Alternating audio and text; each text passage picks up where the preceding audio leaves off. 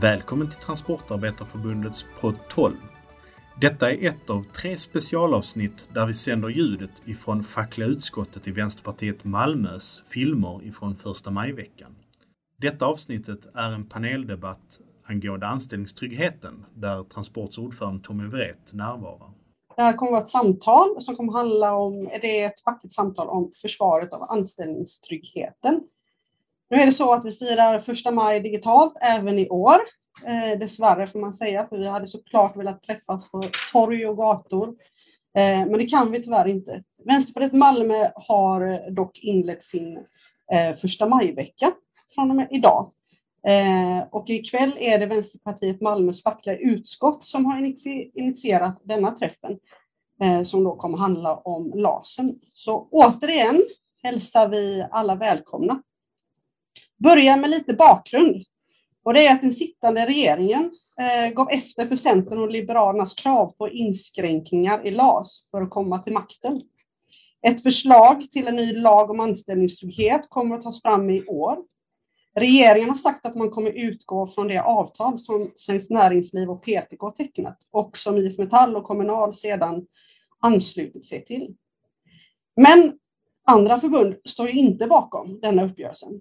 Och många fackligt aktiva gräsrötter inom alla förbund är oroade över den förskjutning av makt på arbetsmarknaden till arbetsgivarnas fördel. Eh, och att man är orolig för vad det kommer innebära. Därför har vi bjudit in några fackligt aktiva till dagens samtal ikväll om hur vi ska kunna försvara anställningstryggheten. Vi har med oss Tommy Wret eh, som är förbundsordförande för Transport Jonas Sjöberg som är ordförande för Byggnad Skåne och Patrik Strand som är fackligt aktiv inom Kommunal och som också är sammankallade för Vänsterpartiets fackliga nätverk i Sverige. Jag själv eh, som leder detta samtal ikväll heter Panit Stojic och är fackligt aktiv inom IF Metall. Vänsterpartiet eh, har ju varit väldigt tydliga eh, och sagt att vi vill ha fler trygga jobb och inte färre. Vi kommer inte acceptera att anställningstryggheten försämras. Jag tänkte börja med att ställa lite olika frågor till panelen, men vill verkligen uppmana alla att ställa frågor. Och vi kommer försöka hinna så många vi kan under kvällens gång. Så får vi se hur länge det, hur länge det räcker. Men jag eh, tänkte börja med några frågor till er. Eh, och den första jag tänkte ställa är varför tror ni att det är en sådan hjärtefråga för Centern och Liberalerna att det ska gå lättare att säga upp folk? Vi börjar med dig, Thomas. Eh, Tommy menar jag. Ja. det är en jättebra fråga. Jag, jag har, den har diskuterats väldigt mycket i vårt förbund också. Eh, det är nästan som man vänder på den också. Hur kan man som så pass små förbund så få enormt genomslag i det här? Gentemot socialdemokratin då, som ändå representerar en betydligt större väljarkår. Eh, jag var väldigt förvånad och väldigt bekymrad direkt när man såg det här. Även om texterna till en början innehöll så kallade floskler om att det skulle bibehållas balans och sånt. Så anar man ju på en gång att någon hade gjort ett betydligt bättre förhandlingsarbete än vad Socialdemokraterna hade gjort. Mm. Jonas? Ja, eh, det är ju, jag påstår framförallt för Liberalerna så är det en hjärtefråga att det ska vara fritt i större omfattning. Och fritt för dem är ju eh, så lite reglering som möjligt. Och det gynnar, det vet vi ju, bara arbetsgivarna. Inte eh, oss arbetare på något sätt. Så det är precis som Tommy säger, alltså det är anmärkningsvärt att de har fått igenom så stora radikala förändringar som är så marginaliserade partier.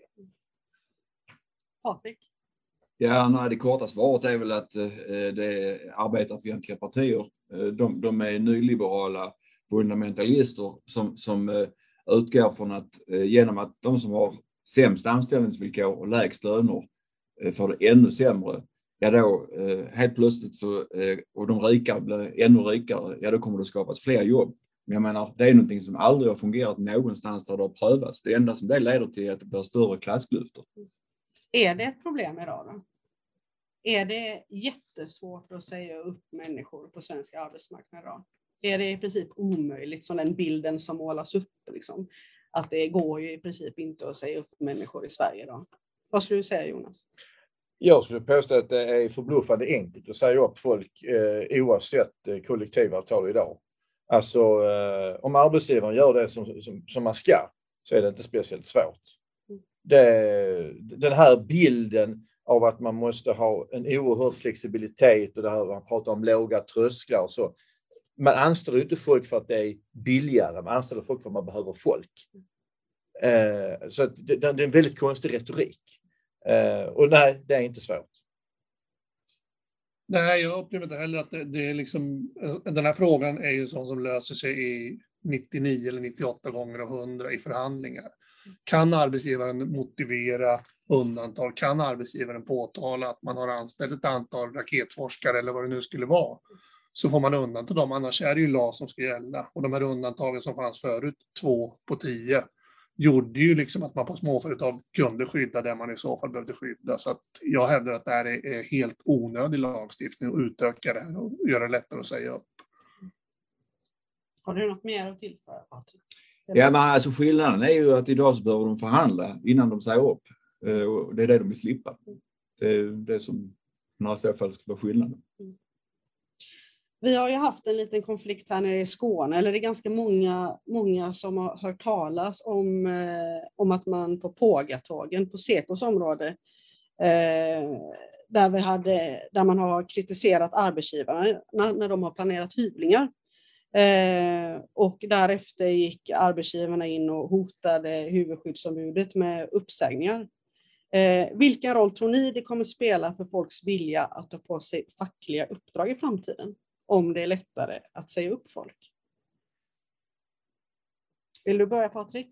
Ja, alltså, nej, men det, det, alltså i, i det här förslaget så, så menar, eh, fackligt förtroendevalda eller som eh, undantas ju och, och, och Eh, eh, det, det, finns ju inte med. Men, men det är klart, vem vågar bli fackligt aktiv i framtid, framtiden om det är så att du vet att det kan, det kan kosta dig ditt arbete? Vem vågar gå med i facket i framtiden om, om du vet att det kan kosta dig ditt arbete? Så det kommer väl, tror jag, bli svårare att rekrytera aktiva. Det är i alla fall någonting som jag ser som en klar risk.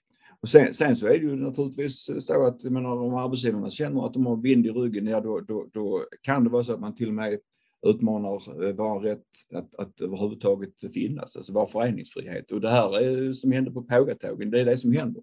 Alltså man, man utmanar alltså vår grundläggande frihet att organisera oss och det är det som är så oroande. Jag ser, också, jag ser en risk att eh, jag kommer säga Thomas till dig hela...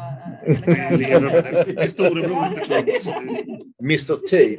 Nej, men jag, är, jag är lite rädd för det här också. Vi, Transport är ett förbund som har väldigt mycket små och medelstora arbetsplatser. Och där är ju risken att det blir ännu tystare. För där kanske man inte har klubbar. Det kanske man i bästa fall har ett facklig förtroendeman och ett skyddsombud. Och, och det är precis som, som man är inne på, liksom, det blir ju tystare ju mindre det är. Och sen kombinera det med de här utökade undantagen och det, det blir Alltså det kommer att slå hårt mot den här alltså viljan och, och, att man vågar yttra sig och säga ifrån. Jag är livrädd för det här. Ser du någon uppenbar risk? Ja, alltså om vi går tillbaka och tittar på eh, det mindre glada 90-talet så blev det ganska tyst efterhand som arbetslösheten ökar och detta får samma effekt. Eh, du biter inte den hand som föder dig för ofta om du känner att du får hugg och slag. Och det behöver inte ens vara sånt, för här gick man, var ju tydlig, man verkligen gick ut och liksom satte villkor. Och många gånger så ser vi inte när det händer, utan helt plötsligt så ja, för vår del är det så här, ja men då får du åka in på firma och så får du rensa lite virke och, mm. och så får du göra lite andra åtgärder. Alltså man blir satt på undantag som vi, vi kan liksom förhandla. Men det är inte säkert att vi når fram. Nej, men nu hade vi inte mer jobb till den personen, nu får hen göra det. Så att, och har man upplevt det en gång, ja då gör man inte om det. Så att risken är stor att det blir betydligt tystare ute. För man säger ju som sagt eh, det, det du sa att fackliga är undantagna och så, men ni, ni verkar ändå eniga i att eh, risken är tysta arbetsplatser. Mm. Kommer också titta på, det sitter ju lite folk här runt omkring som också försöker samla in lite frågor och så som skulle komma in. Så Eh, jag kommer se mig om efter dem, om det skulle vara någonting. Så skicka in om ni har några. Eh, en annan eh, en annan sak som de brukar prata om är ju att regeringen har sagt eh, att de kommer, eh, om Svenskt när de, om de fackliga är överens, har regeringen sagt. Om parterna är överens så kommer regeringen köpa det förslaget som man väljer att ta fram. Eh, kan man tala nu när Kommunal och IF Metall också har anslutit sig till PTKs och Svenskt Näringsliv uppgörelse att parterna är, har ett förslag på bordet? Skulle man kunna säga att det är parterna som gör upp nu med det som ligger? Jag börjar med Jonas. Eh, jag vill säga definitivt nej. Parterna i den här frågan är LO och Svenskt Näringsliv, inte Kommunal och IF Metall. Så parterna är inte överens. Mm. Svårare så är det inte. Ja, exakt samma bild. Jag sitter, ju, jag sitter ju själv i LO-styrelsen och eh, nu är det här föränderlig materia. Man vet väl bara vad som är dagsfärskt när det hörs. Men, men eh, sist man diskussion i LO-styrelsen så är det 12 av 14 förbund som är emot Mm. och blir part i huvudavtalet. Och eh, för min del så är det ju LO som i så fall ska vara part, inte två förbund som i det här fallet, tycker jag, gått sin egen väg och eh, drivit alltså förbundsegoistiska frågor. Man har väl fått utdelning på något man har sett gynnat sitt förbund. Men, men mer eller mindre struntat i övriga. Sen ska man vara medveten om att det är 14 förbund, 14 verkligheter. Mm. Allt från stora förbund, stora arbetsplatser till små förbund, små arbetsplatser. Mm. Så det kanske någonstans var mission impossible att begära den här förhandlingen. Man kanske inte skulle ha gjort det. Det här kanske ska lösas i kollektivavtalet istället för i ett huvudavtal. Är det någonting som den bilden du delar? Att det här borde vi ha löst på något annat sätt? Absolut skulle vi lösa det på ett annat sätt. Eh, Jag, eh, jag sa att eh, nu ska jag referera till Bamse. Mm. När man är stor och stark så måste man vara snäll. Och så ska jag lägga till ett eh, och inte bara tänka på sig själv. Eh, Och det är precis det som har hänt. De två största och starkaste har tänkt bara på sig själv. Och det tycker jag är väldigt osolidariskt. Eh, För nu gör de ju faktiskt, försöker de, får man säga, göra en uppgörelse som gäller för alla 14. Och det tycker jag inte är okej. Patrik? Ja, Kan ja nej, mitt, mitt, mitt, förbund, alltså Kommunal, som jag är aktiv inom eh, och varit aktiv inom under väldigt lång tid. Så vi har ju eh, ställt oss bakom eh, den här uppgörelsen som Svenskt Näringsliv och, PTK har gjort tillsammans med IF Metall. Så är det ju naturligtvis. Mm. Men, men jag ska ju säga att, att jag blev rätt så överraskad Eh, när, när det hände. Och, och, och eh, jag, jag tyckte eh, det var någonting som var förvånande, inte minst med tanke på att vi varit så väldigt kritiska mot de här hotande förslagen tidigare. Alltså, vår ordförande Tobias Baudin gick ut och sa att han såg det här hotet mot anställningstryggheten som en krigsförklaring mot Kommunals medlemmar. Och när sen då Svenskt Näringsliv och PTK-uppgörelsen kom så sa vår avtalssekreterare Johan Ingelskog att, att eh, den var inte eh, mycket bättre än, än eh, eh, regeringens utredares förslag, Toyers förslag. Utan han liknar det vid en sminkad gris. Ihåg. Och sen så helt plötsligt så står de där i december och, och skakar hand med Svenskt Näringsliv. Och då undrar man vad, vad, har hänt där? Men, men, men eh, eh, så som förbundet har resonerat i den här frågan är ju att man på något vis har sett de här eh, förslagen. Alltså för att, vad som har hänt är ju att, att, att, att, eh, att eh, arbetsgivarna har fått igenom sina två tyngsta krav eh, i det här avtalet. Man har fått igenom utökade undantag från turordningsreglerna och man har fått igenom att, att man ska kunna säga upp folk utan saklig grund. Och på något vis har förbundet utgått från att de här två grejerna, det går inte att rubba det.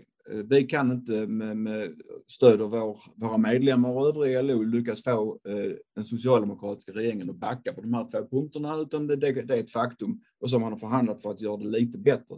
Och sen så har vi i avtalet då lyckats få gehör för, för eh, vissa saker. Vi har lyckats få eh, en, en begränsning i möjlighet till, till eh, anställa folk på allmän visstid så att eh, det är en kortare tid du kan anställa på allmän visstid och den byter namn till särskild visstid. Och vi har lyckats få en, en, en, en viss fördröjning av möjligheten att hyvla folks lön och arbetstid. Och det är klart, eh, de där grejerna är väl bra i sig själv kan jag tycka. Även om jag naturligtvis helst hade sett att vi avskaffade lagen om visst helt och hållet och vi avskaffade möjligheten att hyvla helt och hållet så är det ju klart det är bättre att eh, i alla fall de här sakerna blivit visst förbättrade. Men alltså det, det på något vis kan ju inte eh, uppväga att du äventyrar hela maktbalansen på arbetsmarknaden. Och, och, och, eh, vi går ju arbetsgivarna till mötes så tillvida att, att det, vad vi då säger, alltså det Centern och Liberalerna sagt hela tiden är att ja, men för att de som har otryggaste anställningar ska kunna få det bättre, ja då måste då alla de gamla trotjänarna som är fast anställda få det sämre. Ja, men det är det vi säger med detta också. Och, och då, då liksom ställer vi kommunalare mot kommunalare. Och det är det som jag tycker är mest sorgligt med det här. Så jag är oerhört kritisk. Mm. Jo, det framgick. Ja. Lite otydligt där på mitten, men det löste sig på slutet. Vi har fått in en, en fråga eh, som lyder Sverige förlorar väldigt få arbetsdagar på grund av arbetsmarknadskonflikter i, idag. Kommer det att påverkas? Och i så fall hur? Jag antar att man menar eh, att vi har väldigt eh, få konflikter. Kommer det påverkas? Börja med Jonas där. Ja, alltså jag tänker så här. Om vi nu leker med tanken scenariot att det går hela vägen och det blir den här försämringen. Eh, det kan ju vara så att, att andra förbund, läs transport, byggnads, kanske behöver vara ännu hårdförare i sin förhandling för att liksom se till att balansera upp. Så avtalsrörelser kan ju komma till att bli tuffare om vi ska driva våra medlemmars krav vidare. Så att eh, lite lång, långtgående effekter, men eh, den är inte omöjlig. Den är inte alls omöjlig.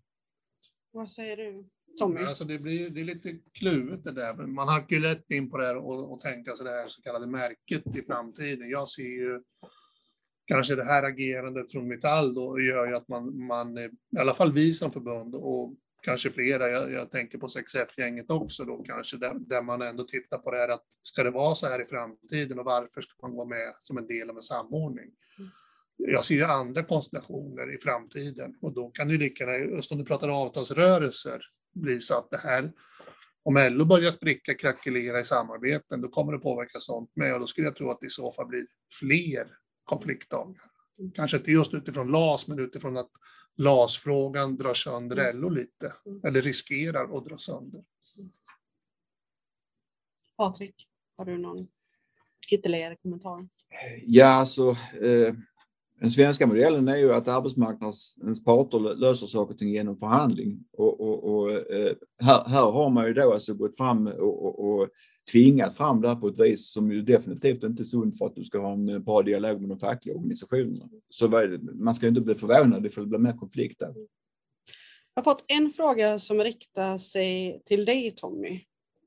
Vad skulle krävas för att Transport skulle hoppa på detta? Överenskommelsen, någon LAS-överenskommelse.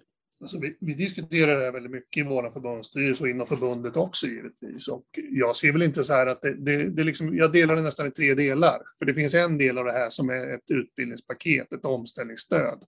Som ju klart, det vore ju bra om alla fick ta del av. Och det finns omställningsförsäkringar, det som idag heter TSL, som, som måste lösas. Men, men om man pratar om själva LAS-delen så ser ju inte jag att man för tredje gången skulle begära en förhandling där det skulle försvinna. I så fall ska man ta bort undantagen. Det borde inte ens vara två på tio. Det, det borde gå åt andra hållet, att man inte undantar någon generell siffra. Och sen det här med ogiltigförklaring och den otryggheten som kommer. Så att jag har så otroligt svårt att se utifrån vad man är idag. Sen är ju alla medvetna om att när, man begär, när LO begärde den här förhandlingen så var det ju inte för att försämra LAS, det var ju för att förbättra LAS.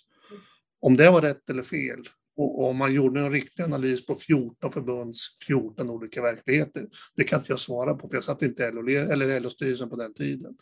Men på sätt och vis, alltså ska man lyckas med det här så kommer det här januariavtalet och knäckte precis allting.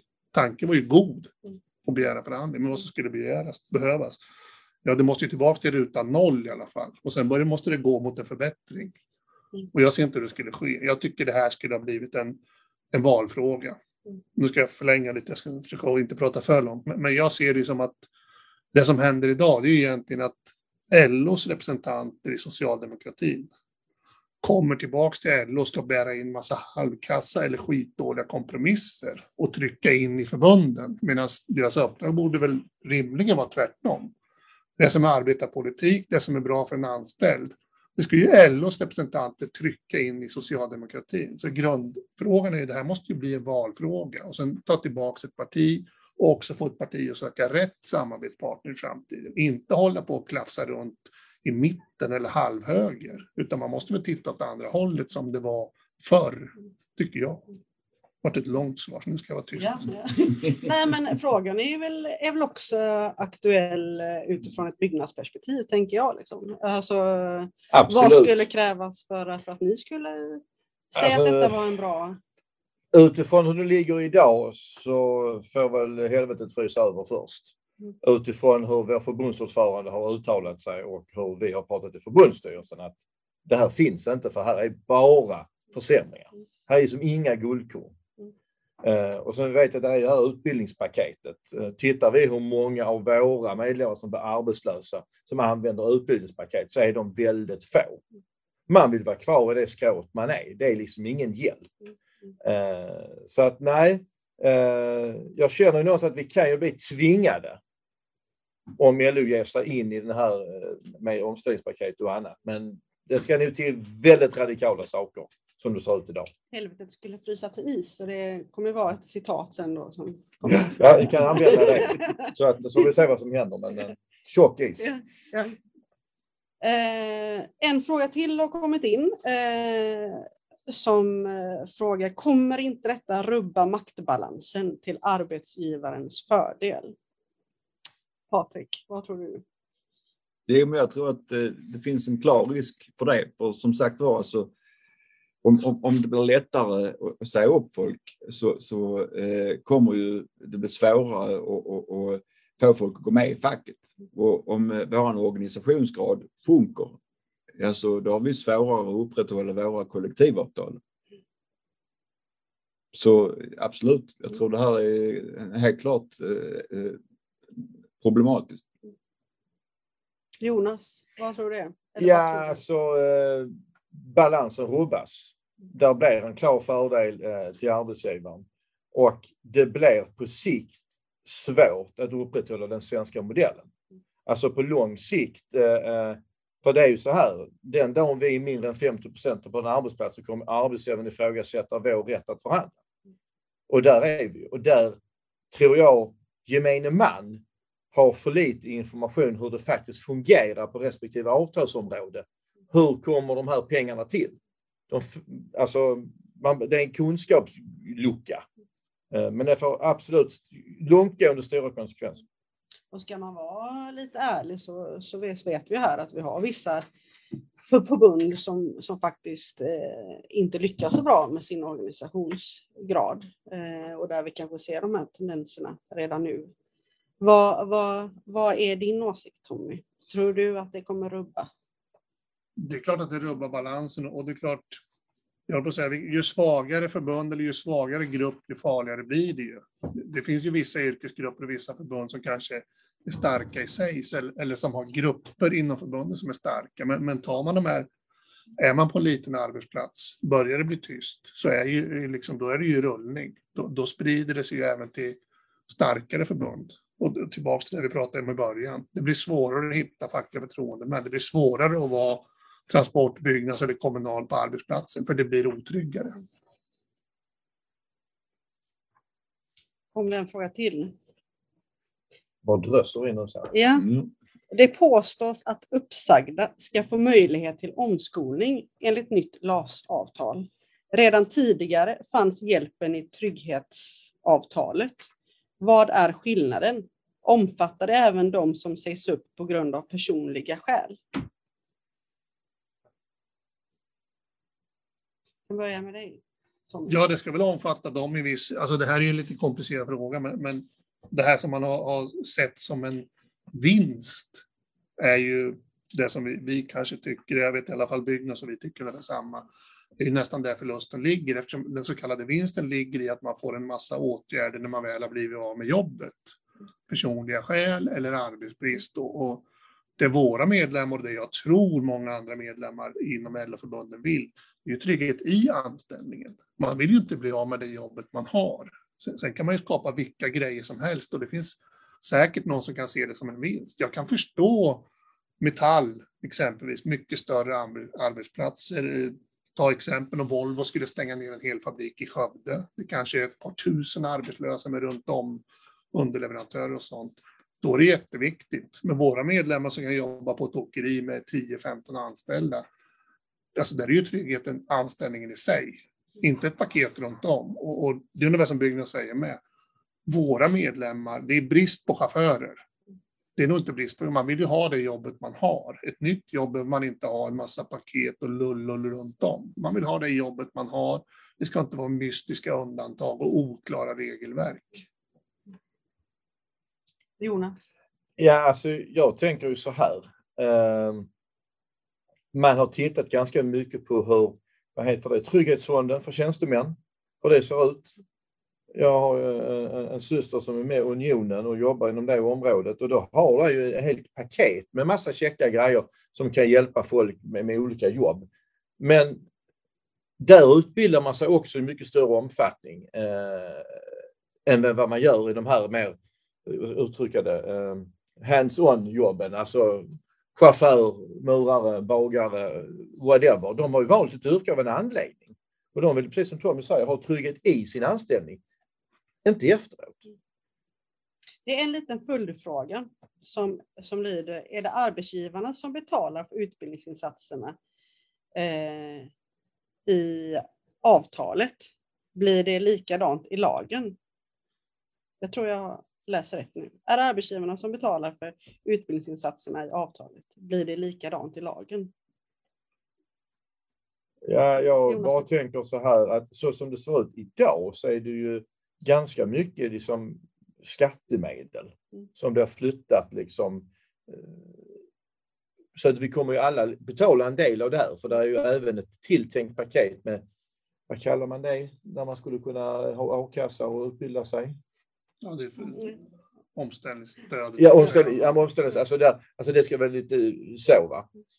Um, så att um, det, det, det, är delvis vi själva och skattebetalare. Ja, de här utbildningssatsningarna är naturligtvis bra.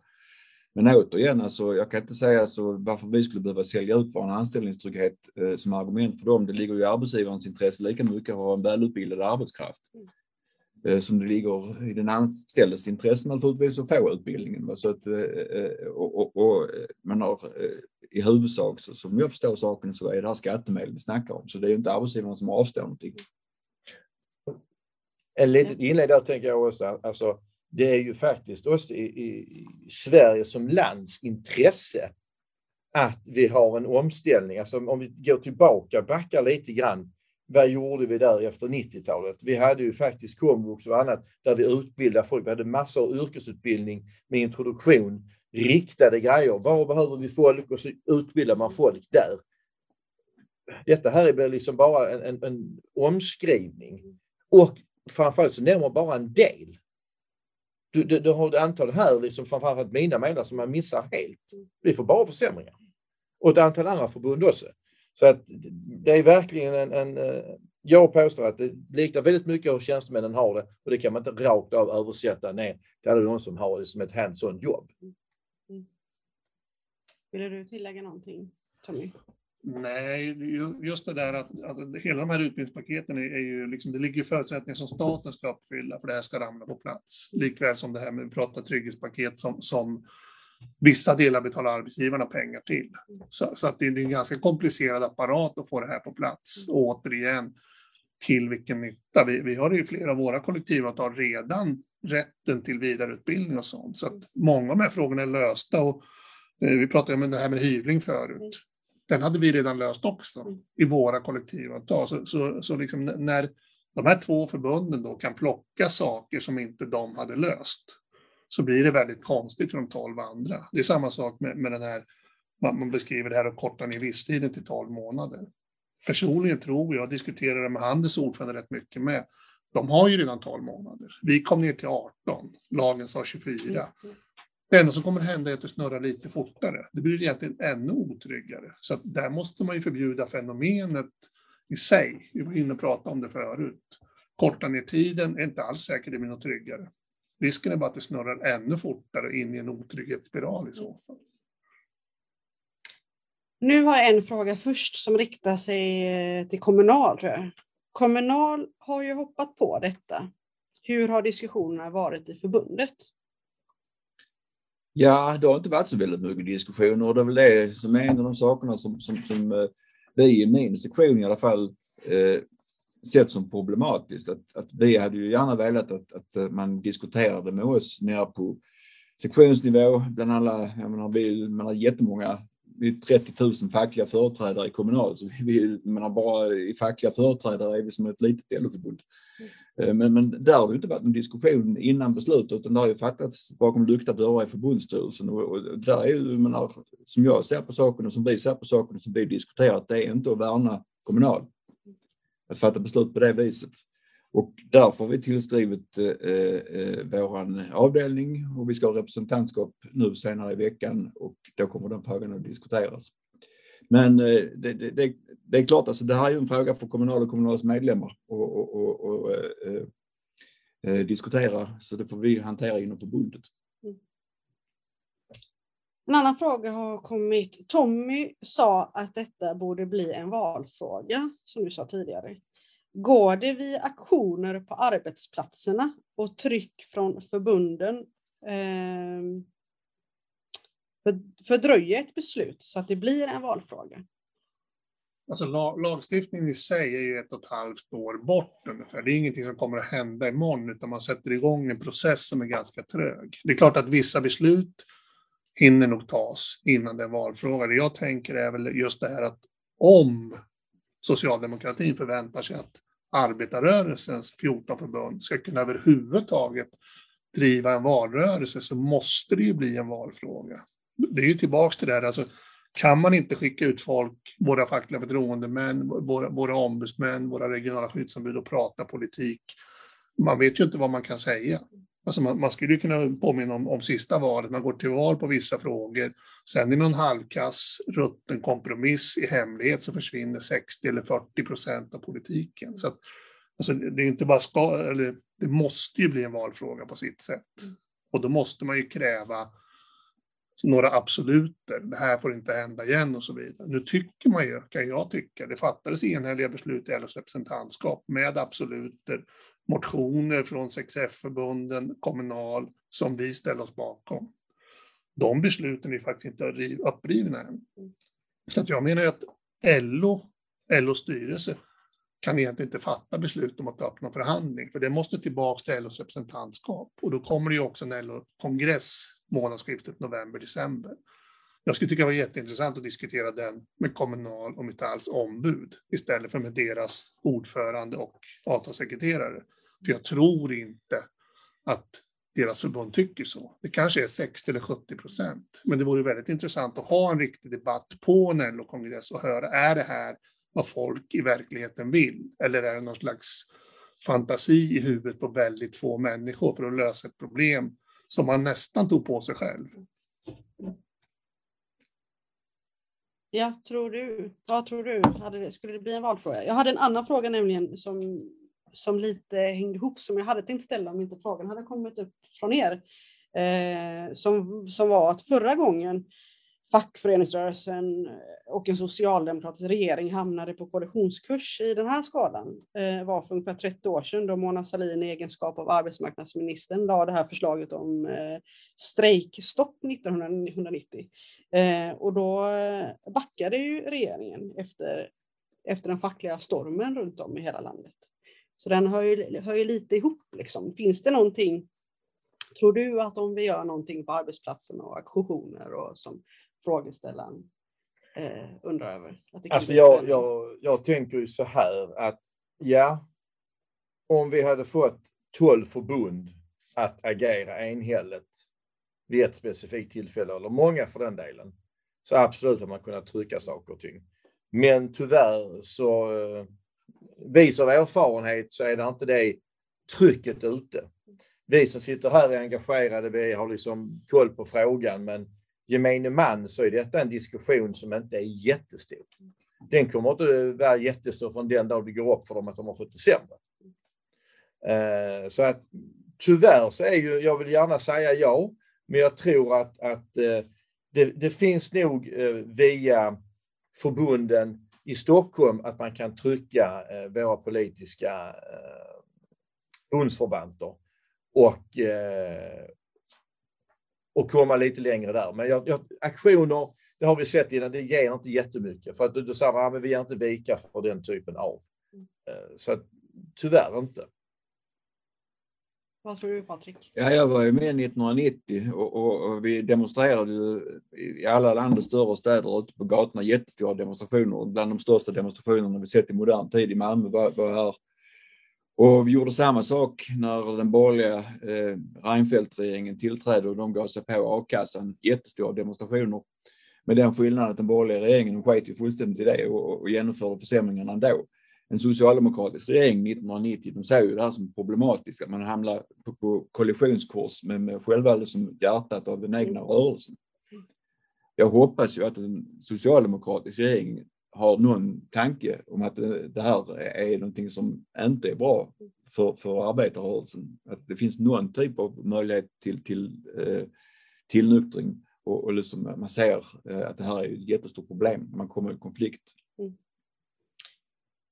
En fråga är, som har kommit in, varför togs inte frågan upp i LOs repskap? Hade repskapet sagt nej så hade varken Kommunal eller IF Metall kunnat gå emot repet? Frågetecken. Men det är ju det precis som har hänt. Mm. Men det är precis det som har hänt. Man sa nej och så gick man bakom ryggen på alla andra. Mm.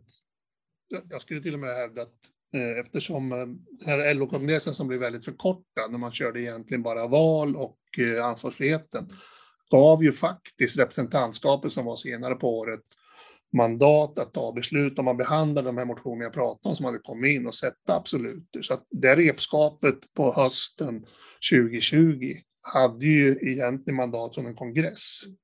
Och, och, då sa man ju nej. Så den har ju varit där och det är jag inne på att man kan inte enligt LO stadgar ta beslut i LO-styrelsen som sätter sig över varken rep eller kongress, utan man, man måste backa då definitivt i ett repskap. I bästa fall på ett repskap som nu är i slutet på maj. Så, så kommer den här frågan upp igen, men det blir väldigt svårt när, när man känner att en liten, det finns en mentalitet som sprider sig lite in i LO-borgen, där man säger ungefär så här. Det kunde ha blivit värre. Ja, det kan det ju förmodligen jämt. Alltså om, om man har den måttstocken så är det jävligt svårt att jobba fackligt. Och sen lite man känner det här, man ska bara ta strider som man kan vinna. Då tror jag arbetarrörelsen är totalt lost. Om man har de två mentaliteterna som börjar komma in. Och där måste man ju liksom, där kan inte vi skylla på socialdemokratin. Det är ett internt problem i LO, att man måste ju gå tillbaks och bli mer av kamp. Alltså det, det går inte att sitta och tänka på worst case scenarion. Det kunde bli värre, ja ta mig fan, nästan jämt. Och vi kanske inte vinner det här, nej, det är väldigt risk att man förlorar en fight, men om man inte tar dem så får man ju aldrig svaret och då, då tappar ju vi i trovärdighet. Vad fan har vi för roll i så fall? Så att eh, det kan ju bli en rätt stormig men lika viktig höst i LO-kollektivet. Tror ni att den här frågan kommer lyftas i de olika avtalsrörelserna mer än vad det har gjort tidigare? Om anställningstrygghet i era respektive avtalsrörelser? vi, vi har ju försökt att driva frågan om, eh, om allmän visstid länge och nu sista avtalsrörelsen så vi försökte lyfta eh, anställningsproblematiken för, för eh, personliga assistenter som är en stor grupp inom Kommunal som, som, som har väldigt tuffa villkor, så de har uppsägningstider på 14 dagar, många av dem. Men, men, men det är svårt att komma fram. Alltså det, det har hittills eh, inte varit så lätt. Men, men det, det är klart, så, eh, eh där kommer ju vara någonting vi kommer fortsätta att jobba med, klart. Jonas? Alltså jag tänker ja. Alltså, eh, det är ju så här, vi är inte, den star- vi är inte starkare än svagaste länken. Och då kan vi inte ha förbund som har allmän visstid, hyvling, alltså bara allt elände. Vi är ju ganska förskonade för, för vi har nästan alla grupper utom en har liksom 40 timmar, det är anställningsmåttet. Där är inga andra anställningsmått. Men då behöver vi vara solidariska med våra kamrater och se till att ta den kampen. För Handels, Kommunal och många andra har ju massor av det här möget som vi inte vill ha. Eh, och det var ju därför man bjöd de här förhandlingarna en gång i tiden. Man ville bli av med hyvling, man ville bli av med allmän visstid. Och pandemin har ju faktiskt visat att hade vi haft trygga anställningar så kanske vi också hade en helt annan smittspridning där man faktiskt var på samma jobb, inte på fyra, fem stycken. Eh, det har ju Kommunal med all tråkig eh, erfarenhet visat ju att där man sprang runt folk, förmodligen som smittar folk därför man var på väldigt många avdelningar för att få ihop eh, brödfödan helt enkelt. Så trygga anställningar kommer vi nog alltid att kämpa mot. Och vi har kommit någonstans till en brytpunkt där vi behöver ta den ännu tydligare. Nej, jag tror också det, men då, då vi pratade om det förut ikväll, men jag, jag tror man behöver ha en helt annan diskussion om man nu pratar om någon slags LO-samordning. Då kan man ju knappast skicka de mest kompromissvilliga först, facken och industrin, eller låta dem gå in i den här knädiskussionen om löner, de förbunden som kanske var svagast där och då. Och då menar jag kanske handel som hade det tufft, hotell och restaurang som hade det tufft. Alltså då får man ju fundera på vilka skickar man först då? Vi kom igenom krisen, vi hade det tufft på flygsidan och taxi, men i övrigt så gick vårt förbund som tåget. De hade ju mer att göra på åkerisidan, det var ju mer gods som flödade, det var mer sopor. Alltså, man får ju fundera på om man ska ha en samordning, så kan man ju inte ta sikte i och liksom alltid pilla lite i botten, utan då måste man ju titta, vilka har det bäst? Dit ska de flesta. Vilka skickar man först? De som är starkast. Alltså, det, det är något fundamenta fel som vi gör nu. Så att eh, samordning, där facken inom industrin ska ta första förhand och sätta villkoren. Personligen är jag väldigt skeptisk, men det är en diskussion man får ha i respektive förbund. Men jag förstår inte vad Transport ska göra i den samordningen, för det är bara att samla smulor. Alltså ska man höja någonting, då tar man ju fart där det är lite kraft. Så att, men men jag, jag hoppas verkligen att det kommer till en samordning och där de här frågorna lyfts i kommande avtalsrörelse. Men då får man lyfta med alla på ett annat sätt än vad man gör idag. Mm.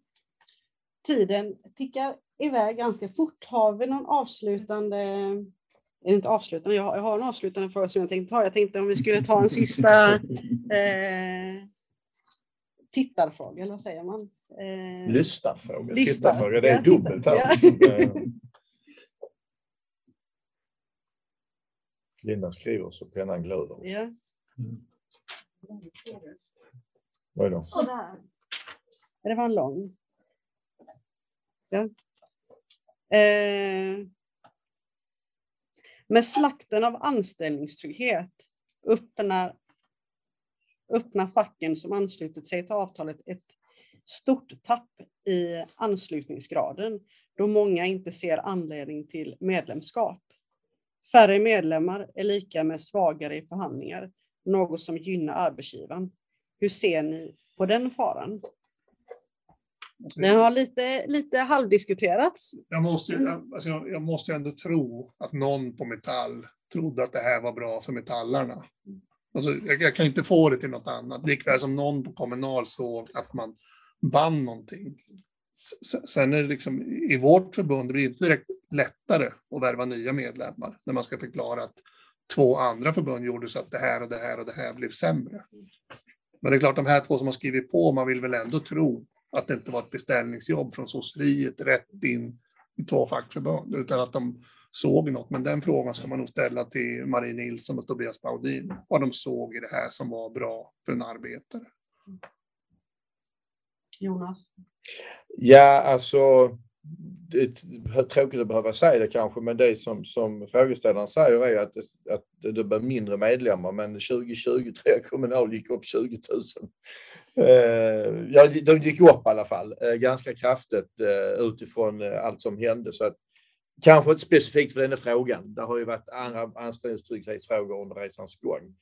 Eh, men visst, det vi behöver tycker jag överlag, det vi behöver ju mer solidaritet mellan förbunden. Vi måste hitta minst en gemensam jäm- nämnare eh, och faktiskt förhandla tillsammans.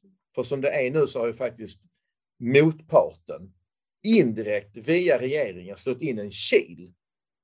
Och det glappet där får inte bli för stort, för då hittar vi inte tillbaka. Patrik? Ja, eh, ja vi, vi har ju ökat eh, kraftigt eh, i medlemstal och, och, eh, det är ju på grund av att folk har sett hur viktigt det är att ha en, en, en fackföreningsrörelse eh, nu under den här pandemikrisen som har varit. Att, att du behöver ju verkligen ha den tryggheten som det innebär att ha en fackföreningsrörelse på din arbetsplats. Och en del har velat säga det som att ja, men då, då, då har förbundsledningen väl ändå haft rätt i, i det här ställningstagandet också, men jag är inte lika säker på det. De som har värvat de här medlemmarna, det är arbetsplatsen, både skyddsombud ute på arbetsplatsen, det är inte förbundsledningen. Mm. Så vi behöver ju ha en fackföreningsrörelse oavsett vilket och, och, och, det finns inget alternativ. Den enda möjligheten du har att få en bättre situation på din arbetsplats, det är att organisera dig fackligt. Så vi bör, behöver ju ha kommunal, vi behöver ju ha Byggnads, vi behöver ha transport, vi behöver ha alla de andra förbunden eh, oavsett vilket. Eh, så, sen är jag som sagt var kritisk mot hur förbundsledningen agerat, men det betyder inte att jag eh, skulle se det som ett alternativ att lämna facket. Det skulle jag aldrig rekommendera någon att göra för att då sitter du verkligen i skiten så som, som det är då. Om du inte har några skyddsombud som agerar nu eh, för, för, för att smittan inte ska spridas, hur tror du då det blir? Mm. mm. Eh, Tommy först och sen... Nej, jag tänkte bara spinna på lite, för, det, det, det är också så att LO står för en form av, av, vägval också, om man vill vara någonting och räkna med framtiden. För, för det som håller på att hända nu, det är egentligen att man ser från beslutsfattarna att man kan ringa till Baudin och Marie Nilsson, göra upp det man vill. Sen informerar de LO, så här blev det. Det innebär ju i sin tur, jag har sagt det på LO-styrelsen med, med lite så här bitterhet i rösten kanske, men ändå, att i framtiden behöver vi inte ha LO-styrelse var 14 dag. Då kan vi ha LOs information en gång i månaden nere i parken på Bantorget, för då kan ju Kommunal och Metall berätta. Så här blev det. För det finns ju ingen anledning att sitta och diskutera massa frågor när det händer i buskarna i hemliga rum, vare sig det är ett januariavtal eller ett så kallat huvudavtal. För, för det är liksom LO någonstans, sittande LO-ledning har ett jätteansvar att sätta tillbaka LO på kartan. Inte två förbund, utan 14 förbund. För att det är någon slags vägval nu. Alltså klarar man inte av att hålla i det här så sätter man sig på läktaren för lång framtid i alla fall.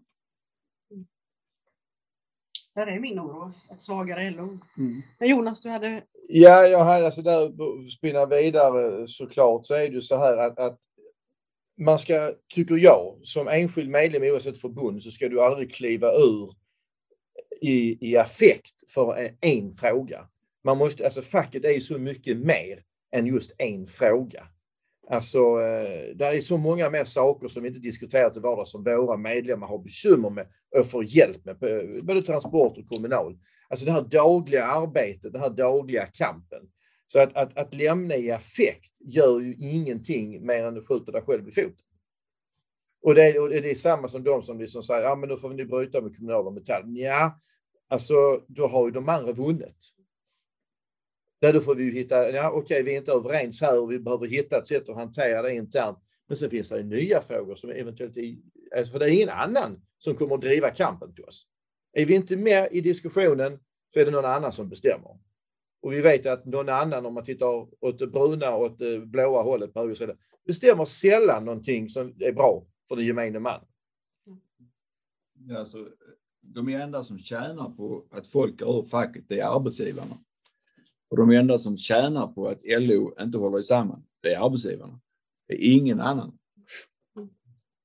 Nej, alltså vi är ju alla överens om, eller det var ju också därför vi beslöt, eller vi, men LO beslöt att gå, att vi har otrygga anställningar och vi behöver göra någonting åt det och så. Där är vi vi, säger jag, där är ju alla LO-förbund egentligen överens. Men nu har, vi, nu har det ju varit, jag ska inte säga att vi har varit negativa, det ska inte säga, men vi har, vi har, ni har beskrivit en bild av eh, liksom hur läget ser ut nu eh, och vad vi anser om förslaget som ligger. Eh, framtiden då? Framåt. Vi har eh, några minuter kvar och jag tänker att vi kan avsluta det med att se på hur vi ser arbetet framåt. Vad vi har för framtidstro om det här. Börja med dig Patrik. Ja, jag hoppas ju till att börja med att, att øh, de kritiska förbunden øh, fortsätter vara kritiska. Jag sätter min tilltro till det. Øh, mitt, mitt eget förbund, vi har tagit ställning och det är ju, man har förbundsledningens fulla rätt att ta vilka demokratiska beslut som helst. Även om jag inte delar dem i det här fallet. Men jag hoppas att de förbunden som har haft ryggrad och stå emot det här fortsätter att ha det. Och sen så hoppas jag naturligtvis att det inte är så illa att, att en socialdemokratisk regering helt och hållet kör över LO i en sån här central fråga. Alltså, det är en sak att Centern och Liberalerna är arbetarfientliga, men att en socialdemokratisk regering tar den här ställningen och också är det, alltså det är katastrof. Alltså det är ett historiskt svek i så fall. Och det hoppas jag vi slipper se. Mm. Jonas? Har du några avslutande? Ja, jag, eh, om man får säga, om man kan säga vad man hoppas på kan man säga då. Liksom. Och då hoppas jag på att vi kan få en omstart på LO, för det behöver vi. För att i framtiden behöver vi en stark part som står på arbetarens sida. Eh, och sen hoppas jag att regeringen tar sitt förnuft till fånga och gör detta till en valfråga. Eh, så att det faktiskt är möjligt för eh, de andra förbunden att gå ut och faktiskt bedriva valrörelse. Det hoppas jag på. Tommy? Nej, jag, jag hoppas att man, man, eh, de här tolv förbunden som är emot håller ihop, att man också tar fram argument som är greppbara för gemene man, alltså som man klarar av att förklara på arbetsplatsen. Det här händer om. Inte det scenariot att det måste hända först innan man reagerar, för då kan man få en debatt som börjar rulla från och med nu under hösten. Jag ser fortfarande den här LO-kongressen som, som ett vägskäl, för den någonstans stakar ut vägen i en, i en valrörelse sen. Och då får det inte bli för komplicerat. Då måste man kunna visa med väldigt enkla exempel på vad, vad händer, vare sig du är byggnadsarbetare, kommunalare, lastbilschaufför eller vilken LO-förbund den är i. Vad händer med den, med den generella anställningstryggheten? Och där någonstans börjar ju den kampen i så fall. Och återigen, våga ta den fighten. Inte det här som man, man, man får lite krypningar så här, ja, men det, det kunde blivit värre och, och ja, men det är precis det vi måste påvisa. Att det har ju för fan redan blivit värre. Där någonstans. Men det är en jätteutmaning för alla förbund. Mm. Men vi ser ändå på ett, eh, på ett gemensamt LO framöver. Det är absolut. det vi... Ja, ja absolut. Ja, jag vill eh, med det sagt börja avrunda nu och säga tack till er som har varit med och jättetack till er som har tagit er tiden och har detta samtalet. Det har varit eh, bollar från alla möjliga håll, eh, men bara trevligt. Eh, Vänsterpartiet Malmö kommer att fortsätta ha lite olika saker som händer under veckan, så håll, håll gärna utkik efter fler intressanta kvällar och samtal under veckans gång. Så firar vi första maj tillsammans på lördag digitalt. Med det säger jag tack för ikväll.